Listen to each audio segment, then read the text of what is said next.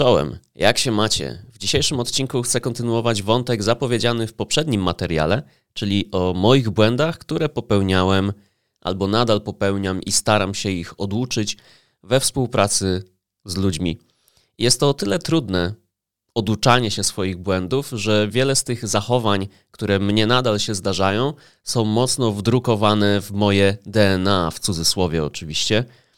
I samo zauważenie tego, że coś może być krzywdzące, niewygodne, albo coś, co sprawia, że orbitujemy od siebie we współpracy dalej, ja z drugim człowiekiem albo z zespołem, jest y, mało komfortowe dla mnie, żeby to przetrawić, żeby zobaczyć siebie z perspektywy drugiej osoby, z perspektywy też sytuacji, bo często wszystkie te momenty, w których popełniamy błędy, dla nas są po prostu wygodne. Wygodne, zgodne z naszą naturą, zgodne z naszymi preferencjami.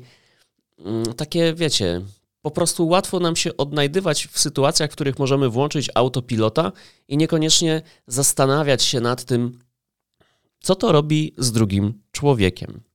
Więc e, rzućmy okiem na to, jak się ze mną współpracuje, i być może dla Was ten odcinek będzie o tyle wartościowy, że podobne paterny, jeśli zobaczycie u siebie, może warto będzie się im bliżej przyjrzeć, pooglądać i zastanowić albo zapytać ludzi z Waszego zespołu lub otoczenia, jak to wpływa na Waszą współpracę. A jeżeli e, te przykłady nie będą Wam bliskie, to może będzie ten odcinek taką inspiracją, żebyście poszukali swoich, szczególnie jeśli nie mieliście okazji wcześniej tego zrobić. Czyli poświęcić się albo poświęcić może trochę czasu na autorefleksję, o której mówiłem w poprzednim materiale o uczeniu się, oduczaniu się i uczeniu się na nowo, czyli o kompetencji teraźniejszości. Przechodząc do rzeczy, moje błędy we współpracy z ludźmi, największym błędem, takim najbardziej kardynalnym, który uzmysłowiłem sobie prawie 10 lat temu, w 2013 roku, i nawet nie ja sobie go uzmysłowiłem, ale ktoś, ktoś zrobił to za mnie, dając mi feedback. Brak świadomości, jak się w ogóle ze mną współpracuje, bo zbudowanie tego aspektu jest w ogóle pierwszym krokiem na drodze do samorozwoju, do tego, żeby być jeszcze lepszym graczem zespołowym, a przez lepszym dajcie tutaj swoją definicję. Dla mnie to jest bycie częścią zespołu i wspieranie zespołu, zespołu w tych trudnych momentach, jak i podsycanie ognia zespołu oraz wzmacnianie potencjału zespołu. To jest moja definicja bycia jeszcze lepszym graczem zespołowym. I jeśli nie mamy tej świadomości, a ja ją dopiero zacząłem budować w 2013 roku, to był taki rok refleksji dla mnie, wręcz mogę powiedzieć, bo kiedyś w ogóle na to nie zważałem. Nie zastanawiałem się, które moje zachowania są ok dla ludzi, a które są niczym nalot dywanowy, czyli zostawiają wielkie spustoszenie. I gdy e, w 2013 roku otrzymałem dwie informacje zwrotne, bo to był taki czas dużych przemian u mnie i w ogóle zastanawiania się, skąd jestem i dokąd zmierzam, to pierwszy feedback, bardzo dla mnie dewastujący, właśnie dla mnie to był niczym nalot dywanowy. Po jednym szkoleniu, w którym ja byłem uczestnikiem, osoba prowadząca to spotkanie podzieliła się ze mną taką refleksją, że Maćku, ty jesteś takim uczestnikiem warsztatu, który przychodzi właśnie na szkolenie, zdejmuje flipcharty trenera, czyli to, co trener przygotował, i wieszasz swoje własne. Bo u mnie albo we mnie jest duża łatwość do tego, żeby zmieniać otaczającą rzeczywistość. Że jeżeli jesteśmy w jakimś środowisku, to mnie jest bardzo łatwo znaleźć różnego rodzaju alternatywy, inne sposoby działania, zupełnie mm, inne punkty spojrzenia na, je, na jedną i tą samą sytuację, nawet takie wykluczające się. Co sprawia, że czasami potrafię w bardzo dla mnie łatwy, wygodny i taki, i taki automatyczny wręcz sposób e, rzucić jakimś pomysłem, którego być może nie przemyślałem lub który może być za trudny do przyswojenia w pierwszej reakcji przez grupę, bo pomysł może być na przykład z pozoru nielogiczny albo wykluczający się z tym, co, e, co planowaliśmy. I na tamtym szkoleniu o tych flipchartach było kilka takich ćwiczeń. Pamiętam jedno na pewno, jedno takie mocne ćwiczenie, którego strukturę po prostu wywróciłem do góry nogami, niemalże zmieniając e, cały przebieg tego ćwiczenia, co na pewno nie było komfortowe dla tej osoby, która prowadziła to spotkanie. Ale ja się świetnie bawiłem, nie, nie mając jednak świadomości, że jest to niekomfortowe dla tego człowieka. To był pierwszy feedback, e, który otrzymałem w tamtym roku. W sensie pierwszy, który mnie uruchomił. Drugi feedback, który mnie uruchomił też w tamtym roku, bo 2013 rok był dla mnie czasem, w którym brałem udział w takim długim procesie rozwojowym, w którym mocno pracowałem nad sobą, bo coś mnie tknęło, no nie? Stary, zrób coś ze sobą, bo nie, nie byłem wtedy w tym miejscu, e, w którym chciałem być. Zawodowo, osobiście, E, więc stwierdziłem, że chcę zmienić to miejsce, bo zmiana przychodzi mi względnie łatwo, jak już powiedziałem. I druga informacja zwrotna, którą otrzymałem od pewnej Magdy. Magda razem ze mną była w tym procesie rozwojowym i on trwał kilka miesięcy. I Magda była świetną obserwatorką, jest. Świetną obserwatorką e, życia, ludzi, wszystkiego, co się dzieje dookoła. I mieliśmy taką sesję feedbackową, i ona mi powiedziała, że moje informacje zwrotne do innych ludzi są bardzo trafne, bardzo E, dosadne, osądzające wręcz, że jak komuś daje feedback, to później nie ma już czego zbierać. Więc trochę odwrócenie ról. Tak jak ten feedback o tym zmienianiu, e, tak, e, nanoszeniu własnych flipchartów dla mnie był dewastujący, to dowiedziałem się, że robię dokładnie to samo z innymi ludźmi. I to była dla mnie taka chwila bardzo głębokiej refleksji, że wow, to musi być trudne dla innych, a dla mnie łatwo jest, mówiąc wprost, było łatwo wypunktować drugiego człowieka. I wydawało mi się, że wtedy nie ma w tym żadnego problemu, i dopiero w tym 2000, w mitycznym już dla mnie 2013 roku, zacząłem zastanawiać się i pracować nad tym, jak moje słowa wpływają e, na innych ludzi. To jest, wiecie, nie macie wpływu stuprocentowego na to, jak druga strona odbierze wasz feedback, macie wpływ tylko na to, co powiecie. I w tej sytuacji, w tym 2013 roku, zacząłem się już mocno zastanawiać, co ja robię we współpracy z drugim człowiekiem. Zacząłem zbierać feedback na swój temat i będąc w tym procesie rozwojowym, o którym wspomniałem, no to był tak naprawdę mój początek drogi przez różnego rodzaju procesy rozwojowe, przez y, różnego rodzaju momenty autorefleksji oraz wszystkie te mm, okazje, które sam sobie stworzyłem do tego, żeby przebadać się różnego rodzaju badaniami psychometrycznymi, takimi jak na przykład Freeze, o którym wspominam od czasu do czasu w moim podcaście. E, o Freeze możecie się dowiedzieć więcej z pierwszych trzech odcinków z Anią, Basią i Kamilą, a także z odcinka o etycznym wykorzystaniu Frisa z Gosią. Więc bardzo Wam polecam. Poza tym badaniem ja jestem przebadany jeszcze pięcioma lub sześcioma nawet narzędziami, które pokazują mnie w różnych perspektywach, z różnych perspektyw w zasadzie. Powiedziałbym nawet z takiego obiektywnego punktu widzenia, bo badanie jest czymś względnie obiektywnym, badanie psychometryczne. I jeżeli zastanawiacie się w ogóle nad tym, jak się z wami współpracuje i na przykład chcecie e, rzucić na siebie okiem, takim obiektywnym okiem, warto poszukać dogodnego, dogodnego, dobrego dla siebie badania psychometrycznego. O każdym dowiecie się, co to bada, po co się je robi. E, a jeżeli chcielibyście to skonsultować, to zawsze możecie uderzyć też do mnie. Na pewno, na pewno będę, może nie na pewno, ale postaram się Wam doradzić, od, od jakiego badania możecie zacząć na bazie tego, co, co będzie Wam potrzebne. Więc ten 2013 rok i budowanie świadomości i w ogóle e, ta świadomość tego, jak się współpracuje, dobrze, źle, jest e, pierwszym i kardynalnym krokiem. Według mnie, jeżeli się tego nie zrobi, to nie ma sensu iść nigdzie dalej. Jeżeli nie ustalimy punktu wyjściowego, czyli z czym zaczynamy, jaki mamy e, mindset, jaki mamy potencjał, jakie mamy predyspozycje, jakie są ryzyka związane ze współpracą z nami. To wszystko jest niezbędne do tego, żebyśmy mogli w ogóle zaplanować dalsze kroki. I tak to było u mnie niemalże już 10 lat temu, wkrótce będzie dekada od kiedy zajmuję się tą tematyką już tak na poważnie, tematyką rozwoju, szkoleń, współpracy, komunikacji. Wcale nie uważam, żebym był gdzieś w, w połowie drogi, wręcz czuję się jakbym był nadal na początku, bo nawet dzisiaj, dzisiaj też w cudzysłowie, ale e, zdarza mi się czasami e, być zbyt dosadnym, zbyt dobrze punktującym w feedbacku, dobrze punktujący znaczy mm, dobrze dla mnie. czyli z pominięciem aspektu drugiej osoby, jak ona może to e, odebrać. No bo czasami moja natura bierze górę, ale dzięki temu, że mam tą świadomość, jak się ze mną współpracuje i że czasami potrafię robić, e, potrafię zachowywać się w taki, a nie inny sposób, jest mi dużo łatwiej wrócić do tej sytuacji i sprawdzić, na ile moje zachowanie wpłynęło na drugą osobę i na ile to wpływa na naszą współpracę. I przeprosić w tych wszystkich momentach, w których, w których przeszarżuję.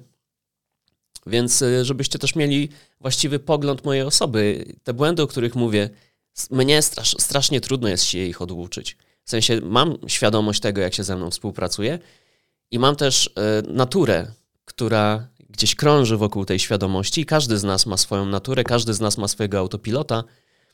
Według mnie bardzo dużo zależy od tego, na ile wiemy, jak ten autopilot działa i czy w ogóle mamy potrzebę, żeby od czasu do czasu skalibrować się z drugim człowiekiem. W ogóle kalibrowanie się do drugiego człowieka jest dla mnie taką definicją pokory. W Polsce pokorę definiujemy jako takie um, schylenie głowy, coś negatywnego. Dla mnie pokora jest czymś bardzo okej. Okay. Sam uważam siebie za osobę bardzo pokorną, bo przez pokorę rozumiem kalibrowanie się do drugiego człowieka. Czyli czasami jestem w stanie mm, przyjąć, że na przykład nie mam racji, albo że mam rację. Wszystko zależy od sytuacji, od osoby po drugiej stronie i od tego, na ile potrafię się skalibrować i na ile potrafię być w tej chwili pokorny. Lećmy dalej. W takim razie powiem Wam o drugim błędzie we współpracy, który popełniam, mam nadzieję, coraz rzadziej, bo mam tą świadomość, swoją świadomość e, tego, jak się ze mną współpracuje i co mnie przychodzi łatwo. I jednocześnie, jeśli ja wiem, co mnie przychodzi łatwo i potrafię rozpoznać pewne związki, paterny, to dużo łatwiej jest mi zaakceptować to, że ludzie mogą mieć inaczej. Zauważam to od czasu do czasu w różnych rozmowach, gdy jedna osoba mówi, że no przecież to proste, dlaczego tego nie rozumiesz? No każdy powinien to potrafić, takie mora moralizowanie. I też tak kiedyś robiłem. W sensie patrzyłem na zespół z perspektywy siebie i to, co mnie przychodziło łatwo, jednocześnie oczekiwałem tego samego od zespołu, licząc na to, że jeżeli wszyscy będą dobrzy w tym, co ja e, potrafię dobrze robić, to będziemy osiągać jeszcze więcej. I wchodzimy tutaj na temat też e, dywersyfikacji kompetencji, natur, predyspozycji i tego, żeby zespół był różnorodny pod kątem tego, jakie wartości wnosi do, mm, do tego, co robimy. Ale jednocześnie też chcę mocno podkreślić to, że e, oczekiwanie, błędne oczekiwanie pewnych zachowań, umiejętności, kompetencji, mindsetu od wszystkich ludzi dookoła, bo my mamy taki mindset – i oczekiwanie tego na zasadzie, no przecież tak powinno być, to kiedyś był straszny mój błąd we współpracy, bo to sprawiało, że ludziom bardzo niewygodnie było ze mną cokolwiek robić, no bo wracamy do tego, że jeżeli ktoś e, postępował niezgodnie z moimi oczekiwaniami, no to wtedy ja wysyłałem ten punktujący, nie zostawiający jeńców feedback. I potrzebowałem e, wielu lat, żeby zrozumieć też to, że to, co mnie przychodzi łatwo, czyli ta zmiana, wcale nie musi być łatwa dla ludzi dookoła mnie. W jednej z organizacji, w której współpracowałem, odpowiadając za, e, odpowiadając za, za to, w jaki, sposób, w jaki sposób dowozimy różnego rodzaju projekty, dla mnie naturalnym było oczekiwanie od ludzi, którzy prowadzili te projekty, e, żeby mm, rozwijali się, żeby czytali na temat prowadzenia projektów, żeby dzielili się wiedzą, bo dla mnie to było oczywiste i dla mnie to było bardzo proste i naturalne, jednocześnie zapominając o tym, że e, mnie osobiście bardzo trudno jest być systematycznym, trzymać rękę na pulsie w różnego, e, różnego rodzaju sprawach. Mnie jest bardzo trudno złapać za telefon i przez telefon tu i teraz skonfrontować się na przykład z klientem w jakimś trudnym temacie tym osobom dookoła mnie te rzeczy, które przed chwilą wymieniłem, przychodziły względnie łatwo. Ale nie widziałem tego, albo nie chciałem tego widzieć. I potrzebowałem e, mocno ze sobą popracować i przejść jeszcze proces badania psychometrycznego, bo tutaj akurat Fries mnie bardzo pomógł zrozumieć, że inni ludzie mogą mieć inaczej i moje oczekiwania wobec współpracy z nimi są błędne. to mi dopiero pozwoliło spojrzeć na naszą współpracę zupełnie z innego punktu widzenia i stwierdzić, a w zasadzie zaakceptować i pogodzić się z tym, że mnie dobrze wprowadza się zmianę, ale niekoniecznie dobrze czuję się w utrzymywaniu systemów, w cudzysłowie, systemów, projektów, w trzymaniu ręki na pulsie. Może tak to uprośćmy. I dzięki temu, że sobie to uzmysłowiłem, to te błędne oczekiwania, które miałem, przestałem je po prostu adresować. Przestałem wkurzać ludzi. Albo mam nadzieję, że przestałem, e, ale na pewno e, ograniczyłem ilość tych momentów, w których wysyłałem te oczekiwania, które były błędne, albo wręcz, jeżeli potrzebowaliśmy wzmocnić jakiś obszar, który dla tych osób był trudny, albo dla mnie, to mieliśmy dużo większą przestrzeń do rozmowy na temat, jak możemy to zrobić, żeby nadal to było, no nie powiem, że komfortowe, ale może, żeby było mniej niekomfortowe dla tych, dla których to jest trochę dalsza sfera, dla których mm, to oczekiwanie jest trudniejsze do spełnienia. Wszystko w myśl tego, że to, co dla mnie jest łatwe, nie musi być tak samo łatwe dla innych, i we współpracy jest to super istotne, żeby określić, co mnie przychodzi łatwo i jak to się wpisuje w moją rolę, w moje zadania, w moje bycie w firmie, w zespole, e, gdziekolwiek, a jak ma się to e, po drugiej stronie, czyli u drugiego człowieka, jakie są zadania tej osoby, za co, jakie są odpowiedzialności? I właśnie określenie tego, mm, kto w czym spełnia się dużo lepiej, kto w jakich obszarach może wykorzystać swój największy potencjał, pozwala dużo lepiej zarządzać obszarami e, odpowiedzialności w organizacji, w zespole, dzięki czemu zminimalizujemy taką perspektywę tego, że ludzie na przykład nie biorą odpowiedzialności, bo będzie nam dużo trudniej brać odpowiedzialność za te tematy, w których nie czujemy się komfortowo, które na, po, na poziomie podświadomym odpychamy od siebie niczym gorącego ziemniaka albo coś takiego.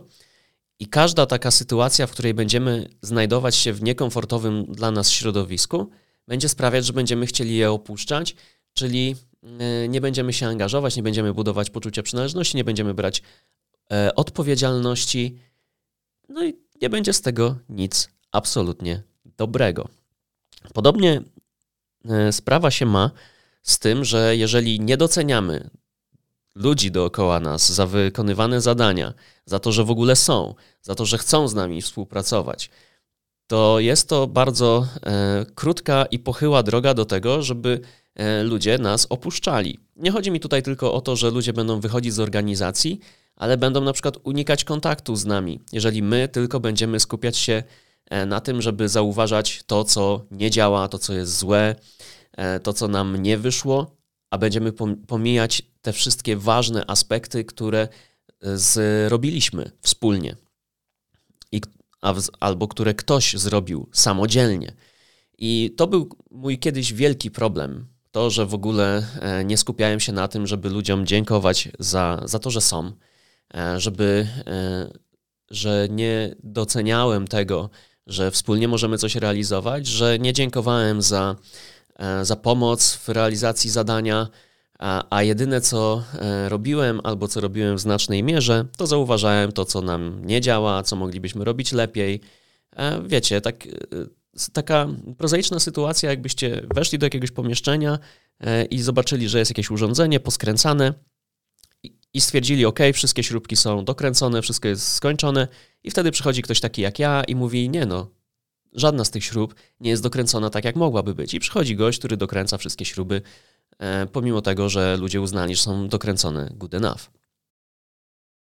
E, bez wątpienia docenianie e, ludzi we współpracy jest czymś wspaniałym, bo sami też, mimo wszystko, lubimy być doceniani.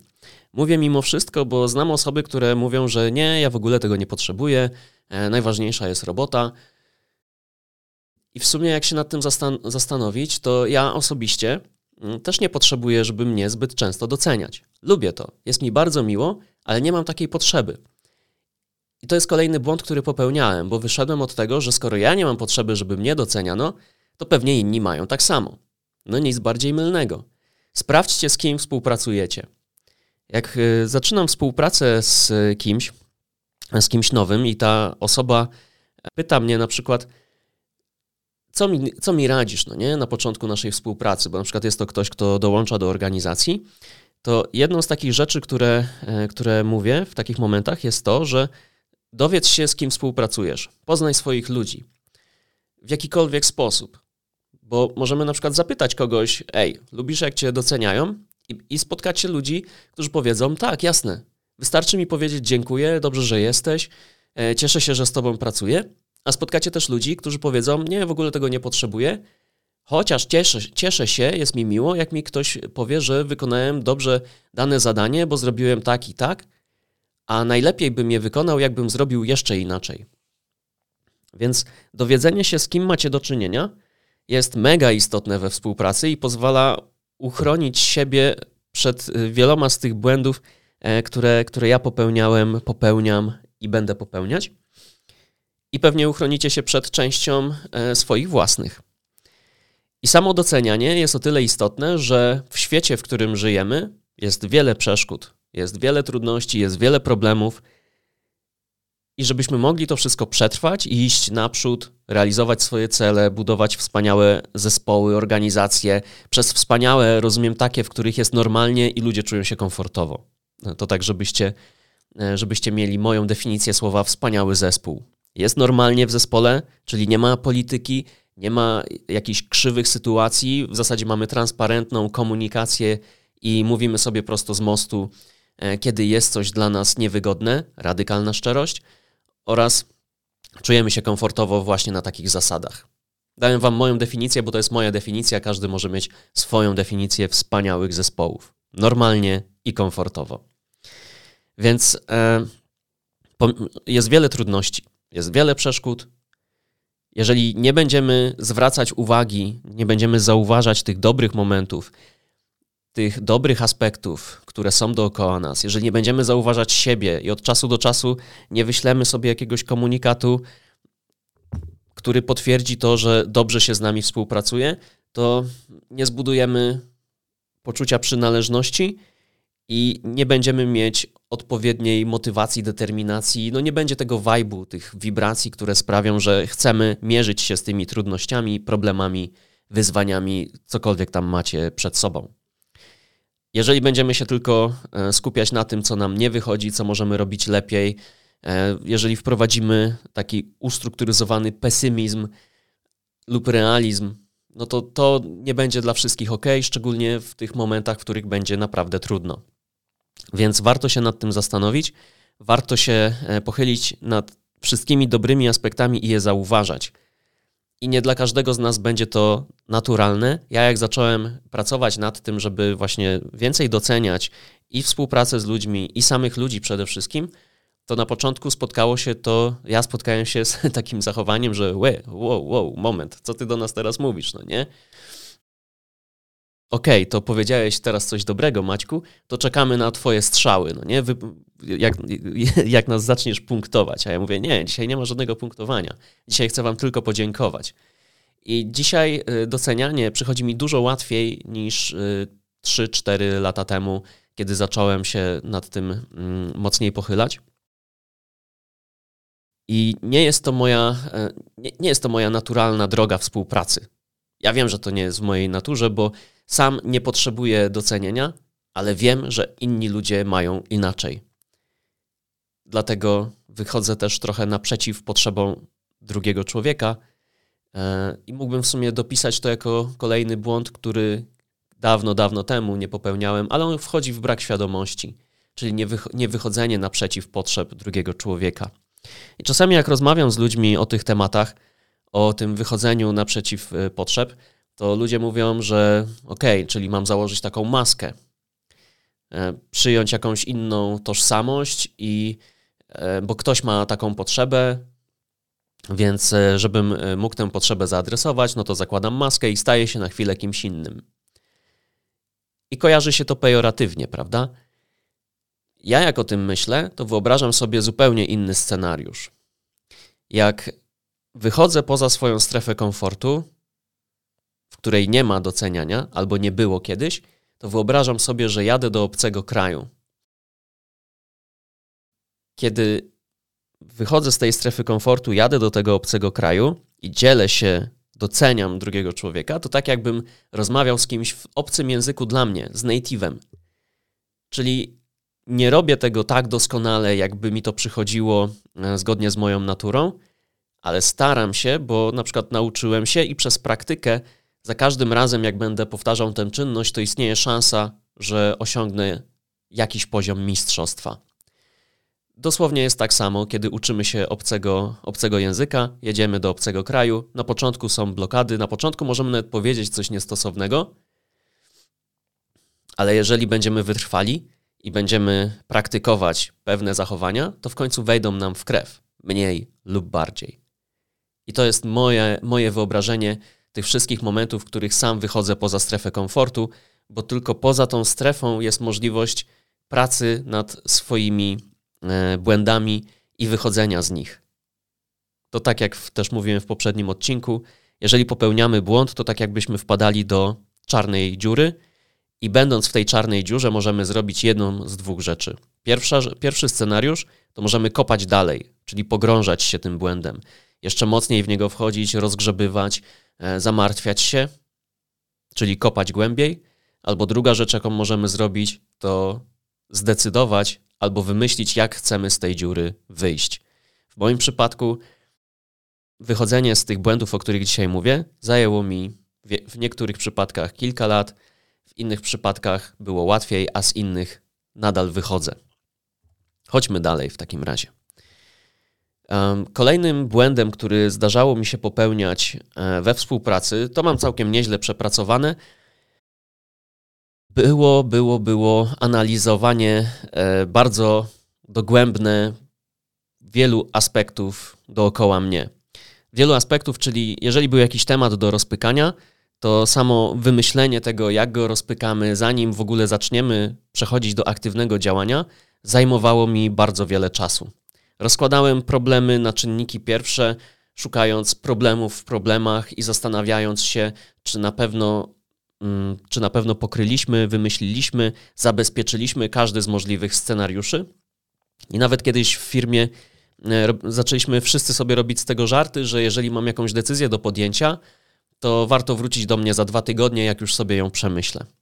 I miałem to mocno wtedy nieuświadomione, z czego to u mnie wynika, a w moim przypadku jest to, e, jest to poprzedzone albo potwierdzone takie zachowanie dużą potrzebą tego, żeby e, przewidzieć przyszłość i jednocześnie ją wykreować na podstawie tych danych, które mamy.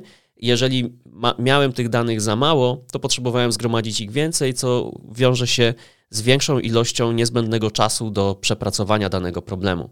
I to rodziło właśnie analizy w analizach, zastanawianie się, nie podejmowanie aktywnego działania. I, dzi I dzisiaj nadal to jest mój problem, bo ja lubię sobie analizować tematy, lubię je sobie rozkładać na czynniki pierwsze i e, w problemach szukać problemów. To jest dla mnie po prostu ciekawe, satysfakcjonujące i napędzające, ale dla mnie. I teraz, w, będąc w takim, a nie innym momencie życia, ja nie mogę sobie pozwolić na to, żeby dla, rozkładanie jakiegoś problemu na czynniki pierwsze e, było dla mnie super satysfakcjonujące, a ludzie, którzy czekają do, dookoła mnie na, e, na rozwiązanie, stresują się tym, że tego rozwiązania jeszcze nie mamy, albo że wymyślenie tego, jak podejdziemy do danej kwestii, zajmuje nam dużo więcej czasu. I to jest coś, nad czym mocno pracuję, mocno analizuję i staram się wychodzić temu naprzeciw. I na bazie e, zmiany redefinicji mojego podejścia do problemów i analiz w analizach, ukułem w sobie takie powiedzenie, które ze mną jest często i pomaga mi samemu przypomnieć sobie, co jest tak naprawdę ważne. A ważne jest tak naprawdę, żebyśmy tak zrozumieli problem, z czym się mierzymy i jak najszybciej sprawdzili, czy nasz nasza strategia, nasza droga, nasze rozwiązanie to właściwe rozwiązanie. Więc żebyśmy jak najszybciej przeszli do prototypowania i e, działania. Nawet jeżeli na początku nie wszystko jest idealnie, nawet jeżeli nie znamy odpowiedzi na wszystkie pytania, to warto już zacząć i zobaczyć, co się stanie, i na bazie tego podejmować dalsze decyzje. W branży IT jest coś takiego jak lejek niepewności, czyli na w branży IT, w, w, w konsultingu i w życiu wielokrotnie znajdujemy się w czymś takim jak lejek niepewności, czyli na początku drogi nie mamy pojęcia tak naprawdę, czy nam się uda, czy nam się nie uda, czy mm, projekt, który robimy, będzie nas kosztować 10 tysięcy złotych czy milion złotych i na początku nie ustalimy nic więcej często. Dlatego musimy jak najszybciej zacząć i przejść choćby niewielki kawałek tej drogi, zobaczyć, czy się potykamy, czy lecimy, czy biegniemy, czy upadamy, żeby stwierdzić, że ten lejek niepewności na przykład się zmniejszy e, z 10 tysięcy złotych, skoczymy na 20 i nie będzie już miliona na górze, a będzie 800 tysięcy. Więc przeszliśmy pewną drogę i już wiemy coś więcej. I to wszystko prowadzi mnie często do takiej konkluzji, e, i, nie, I wiem, że to jest nie do końca komfortowe dla osób, które mają tę samą potrzebę co ja, czyli analiz, analiz problemów, żebyśmy nie rozwiązywali problemów, których jeszcze nie mamy. Bo nawet jak one się wydarzą, to na pewno jakoś sobie poradzimy. A jeśli się nie wydarzą, to szkoda czasu na to, żeby się teraz nad nimi zastanawiać.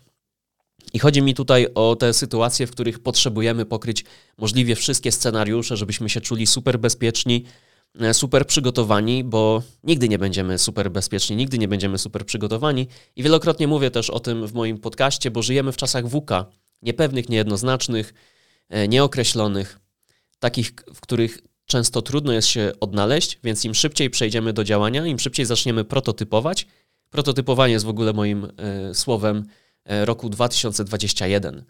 Jak najszybciej przejdźmy do prototypowania, czyli przemyślmy sobie temat, zobaczmy czego potrzebujemy, po co to robimy, dlaczego to robimy i zobaczmy, czy to, co chcemy osiągnąć, osiągniemy niewielkim nakładem pracy, żeby potwierdzić nasze hipotezy, bo hipotezy zawsze stawiajmy przed tezami.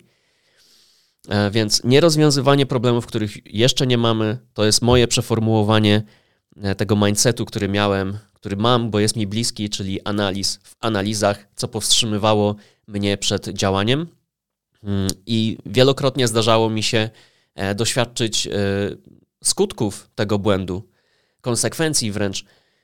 Jedną z takich, które zapamiętałem najmocniej, był taki moment, w którym projektowałem pewien proces ale tak bardzo poświęciłem się samemu projektowaniu procesu w organizacji, że finalnie został mi on odebrany, bo nic się nie wydarzyło przez, e, przez dłuższy okres czasu. Bo ja ciągle zbierałem dane do tego procesu, bo ciągle go modelowałem, był pięknie rozrysowany, ale nie wdrożyliśmy ani jednego aspektu z tych, mm, z tych części, które zaprojektowałem, bo miałem dużą potrzebę analizowania analiz moich własnych.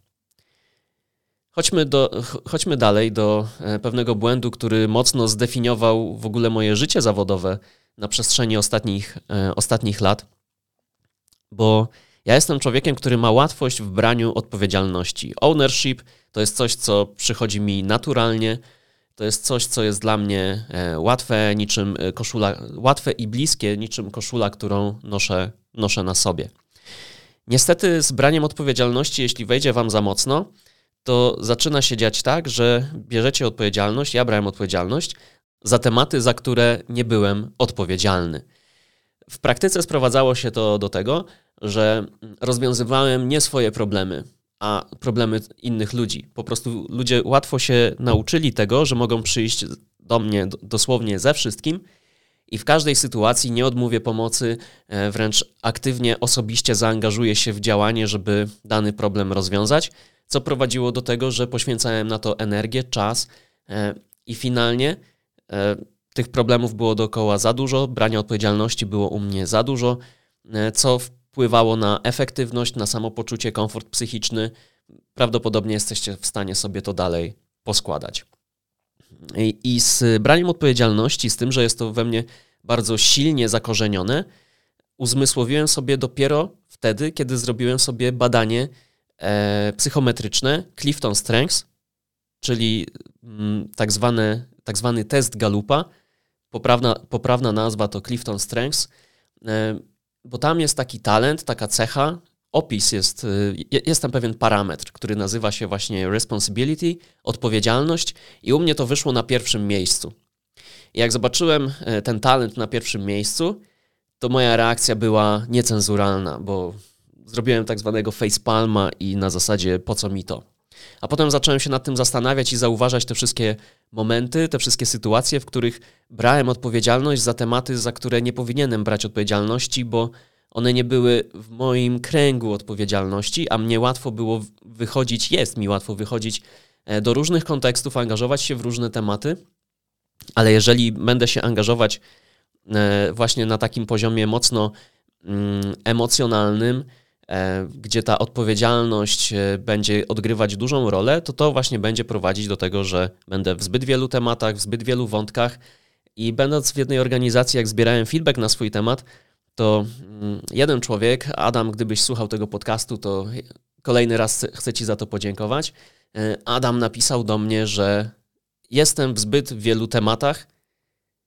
W zasadzie napisał, wydaje mi się, że jesteś w zbyt wielu tematach i nie wiem, jak ty to robisz, że wszystko ogarniasz, no nie? Ale wydaje mi się, że jesteś w zbyt wielu tematach, w zbyt wielu wątkach. Jak to przeczytałem, to sobie zdałem sprawę z tego, że znowu zaczynam to robić. Znowu zaczynam brać odpowiedzialność za tematy, które mnie nie powinny dotyczyć, co jest prostą drogą do tego, żeby, e, żeby się wypalić, żeby się czuć niekomfortowo, a przede wszystkim, żeby nie robić swojej roboty, bo e, jeżeli spotykacie się na przykład z tym, że na przykład macie się w organizacji zajmować strategicznymi tematami, a nagle dopada was bieżączka, to warto się zastanowić nad tym i rozejrzeć, czy nie pchacie się do tematów, do których nie powinniście się pchać. Bo wasze poczucie odpowiedzialności mówi wam, zajmij się tym, bo nikt jak ty nie jest w stanie tego ogarnąć, zadbać e, o bezpieczeństwo ludzi, tematu. Sprawdźcie swoje e, branie odpowiedzialności. Dla mnie, dla mnie to jest nadal challenge, żeby się nie angażować w tematy, w które nie powinienem się angażować żeby się nie wypowiadać we wszystkich dyskusjach, tylko żeby e, dawać ludziom przestrzeń do tego, żeby sobie radzili ze swoimi, ze swoimi e, tematami, problemami, wyzwaniami, trudnościami. Nazwijcie to jak chcecie. Branie odpowiedzialności, w ogóle od, ludzie odpowiedzialni w organizacjach są na wagę złota. Warto jednak mieć ich na oku, czy nie angażują się w tematy, w które nie powinni się angażować. Ja się angażowałem wielokrotnie, co prowadziło do niekomfortowych dla mnie E, sytuacji. Ostatnia rzecz, o której chcę Wam dzisiaj opowiedzieć, mój ostatni błąd we współpracy z ludźmi, e, który przepracowałem e, i który bardzo rozumiem, dlaczego jest potrzebny. Bo kiedyś nie kontraktowałem współpracy z ludźmi, z którymi współpracowałem, czyli nie zachęcałem do ustalania zasad, ustalania norm, E, tego, w jaki sposób będziemy ze sobą współpracować i przede wszystkim, jakie kto ma potrzeby we współpracy. Dzisiaj to jest dla mnie niesamowicie ważne, żeby na początku procesu, kiedy zaczynamy robić coś nowego, zdefiniować to, w jaki sposób chcemy ze sobą współpracować, a w jaki sposób nie chcemy ze sobą współpracować. I sam też dokładam wszelkich starań do tego, żeby mówić ludziom, jak się ze mną współpracuje, ale nie na zasadzie, że koniec to jest wykute w skalę, tylko że mogą się wydarzać z mojej strony takie sytuacje, na przykład mogę dać zbyt bezpośredni feedback i jeżeli to zrobię, a nie zauważę, że to zrobiłem, to proszę daj mi znać, żeby człowiek po drugiej stronie miał pełne przekonanie do tego, że e, współpraca, jaką sobie e, konstytuujemy, to jest coś otwartego. I nawet jak dzisiaj umawiamy się na to, że będziemy sobie dawać bezpośredni, szczery, radykalny feedback, to nic nie stoi na przeszkodzie, żeby w dowolnej chwili podjąć ten temat i powiedzieć: Ja nie potrafię tak pracować, potrzebuję tutaj zmiany. Albo może nie, nie tyle nie potrafię, bo to jest e, zbyt radykalne, tylko to jest dla mnie zbyt trudne, kosztuje mnie zbyt wiele. Co możemy z tym zrobić? I wracanie do tematu w ogóle kontraktowania co jakiś czas jest super istotne. Kiedyś w ogóle o tym nie myślałem. Zaczynaliśmy projekt, no i to się działo na zasadzie: OK, no to lecimy. Nie ma E, nie ma w ogóle się nad czym zastanawiać, przecież nie będziemy wymyślać jakichś zasad, no nie? Przecież jesteśmy dorośli, dogadamy się. A potem dochodziło do różnych sytuacji, no bo nawet ludzie dorośli nie potrafią się ze sobą często dogadać, komunikacja, e, wiadomo. Więc na początku współpracy staram się e, zaproponować pewne zasady, które, których ja potrzebuję, zapytać, czego potrzebuje druga strona, po to, żebyśmy mniej więcej ustalili oczekiwania wobec siebie. I na przykład nie dla każdego musi być e, wygodne to, że mm, mnie jest łatwo zmieniać. Bo ktoś może mieć dużą potrzebę działania zgodnie z harmonogramem, zgodnie z planem, albo w ogóle działania. I na przykład e, druga strona może mieć ogromną wręcz potrzebę przechodzenia szybkiego do działania, kiedy ja mam dużą potrzebę przemyślenia, pomyślenia, posnucia różnego rodzaju wizji. I jeżeli sobie tego nie powiemy początkowej fazie naszej współpracy, to może dochodzić do różnego rodzaju nieporozumień, e, kwadratowych sytuacji, których mogliśmy uniknąć e, dzięki 15-minutowej rozmowie o tym, jak każdy z nas chce współpracować. I to jest w zasadzie dobre pytanie, jak z kimś zaczynam współpracę. Jak chcesz współpracować, żeby czuć się komfortowo? No nie? Czego potrzebujesz we współpracy? Często, e, często spotykam się też z tym, że ludzie nie wiedzą, co odpowiedzieć na takie pytanie. To znaczy, że nie mieli przestrzeni, czasu, możliwości, żeby się zastanowić. Dlatego kontraktowanie współpracy jest istotne i sama, mm, sam proces dobrze byłoby, żeby wyglądał tak, że na początku sobie ustalamy jakieś zasady. Jeśli stwierdzamy, że nie wiemy, jakich zasad potrzebujemy, to wracamy do kontraktowania za tydzień, dwa, za miesiąc, jak już trochę ze sobą powspółpracujemy i możemy na przykład podzielić się informacją zwrotną, jak się nam ze sobą współpracuje i na bazie tej informacji zwrotnej zdecydować, czego od siebie potrzebujemy i jak będzie wyglądać nasz kontrakt. Na poziomie na poziomie zasad, ale też na poziomie czysto organizacyjnym, czyli na przykład mamy codziennie spotkania i wszyscy na nich jesteśmy. Na spotkaniach e, można mieć wyłączoną kamerkę, dobrze byłoby, żeby wszyscy mieli włączone kamerki, e, więc takie administracyjne, logistyczne aspekty też są e, mega istotne. Obok tych wszystkich kwestii związanych ze, współ, ze współpracą, z potrzebami, jakie mamy we współpracy ze sobą, po to, żebyśmy mogli się przygotować na różnego rodzaju trudne sytuacje i ewentualnie, jeżeli dojdzie do jakiejś sytuacji konfliktowej, to żebyśmy mogli się odwołać do kontraktu, który sobie podpisaliśmy wcześniej, oczywiście w cudzysłowie, albo literalnie, jeśli rzeczywiście stworzyliśmy coś na flipcharcie, wypisaliśmy kilka najważniejszych zasad i y, każdy człowiek z zespołu podpisał się własnoręcznie pod nimi. Jeżeli byłoby tam y, zapisane, że jesteśmy punktualni i, i szanujemy czas y, innych ludzi z zespołu, to w sytuacjach, w których ta zasada byłaby łamana przez kogoś, zawsze się można do tego odwołać na zasadzie: hej, umawialiśmy się na coś takiego, kolejny raz e, przychodzisz e, spóźniony lub spóźniona, z czego to u ciebie wynika, no nie? Co się dzieje? Co możemy zrobić, no nie? Potrzebujesz czegoś, bo e, to kontraktowanie nie ma być potem e, jakimś, jakąś, wiecie, podstawą do tego, żeby polować na czarownicę e, i dokonywać e, sądów, to ma być podstawą do tego, żebyśmy ustalili, jeżeli coś będzie w niezgodzie z tymi zasadami, co się dzieje u drugiego człowieka. Bo może ten drugi człowiek z czymś się boryka, my o tym nie wiemy e, i warto sprawdzić. I kontraktowanie i wracanie do tego jest zawsze dobrym takim podłożem do tego, żeby zobaczyć, jak nam się ze sobą współpracuje, czy coś się zmieniło, czy nic się, czy nic się e, niepokojącego nie dzieje. Jak przygotowywałem się do tego odcinka, to tych zasad wypisałem sobie tych zasad, tych błędów wypisałem sobie bodajże 12. Mm, wybrałem te, które wydawały mi się naj, najistotniejsze z punktu widzenia współpracy ze mną i z punktu widzenia współpracy jako takiej. Czyli brak kontraktowania współpracy, branie zbyt dużej odpowiedzialności, analizy w analizach, brak doceniania, i błędne oczekiwania oraz podstawa wszystkiego, czyli brak świadomości, jak się ze mną współpracuje. Przepracowanie i przepracowywanie stale tych e, kilku błędów towarzyszy mi od przynajmniej 2013 roku. Ta lista dzisiaj, tak jak powiedziałem, nie jest pełna, nie jest skończona. Nie opowiedziałem Wam o wszystkich.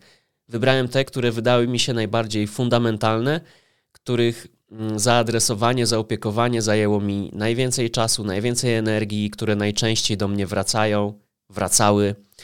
E, I zachęcam Was do tego, że jeżeli zależy Wam na efektywnej i wspaniałej współpracy z ludźmi z Waszego zespołu, przez wspaniałą, rozumiem, normalną i komfortową i dla Was, i dla tych ludzi, warto sobie zrobić takie wewnętrzne retro, czyli usiąść z kartką i zastanowić się nad wszystkimi sytuacjami, które doprowadzały do tego, że mieliście jakieś trudne momenty we współpracy z drugim człowiekiem i przede wszystkim zastanówcie się, y, jak wy się znaleźliście w tej sytuacji. Jak wy doprowadziliście do tego, że ta sytuacja powstała, ale nie na zasadzie, żeby się obwiniać, tylko na zasadzie, żeby zidentyfikować, zidentyfikować potencjalne błędy, które możecie popełniać we współpracy z drugim człowiekiem i które mogą Wam i tym ludziom przeszkadzać. Dziękuję Wam za dzisiaj. Świetnie było, e, świetnie było znowu e, usiąść przed mikrofonem. E, dawno mnie tutaj nie było. Potrzebowałem zrobić sobie kilka tygodni przerwy w myśl najważniejszej zasady, która towarzyszy mi przy nagrywaniu podcastów, czyli no pressure, zero presji.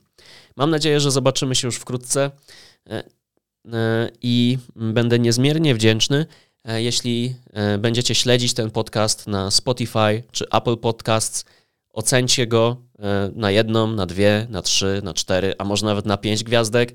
Jeżeli uznacie, że, mm, że, że tyle gwiazdek e, należy się temu podcastowi, mojemu podcastowi, będę Wam niezmiernie wdzięczny za każdą pomoc, która e, wesprze mnie we wchodzeniu po drabinach algorytmu. Dzięki Wam za dzisiaj i do następnego razu. Cześć.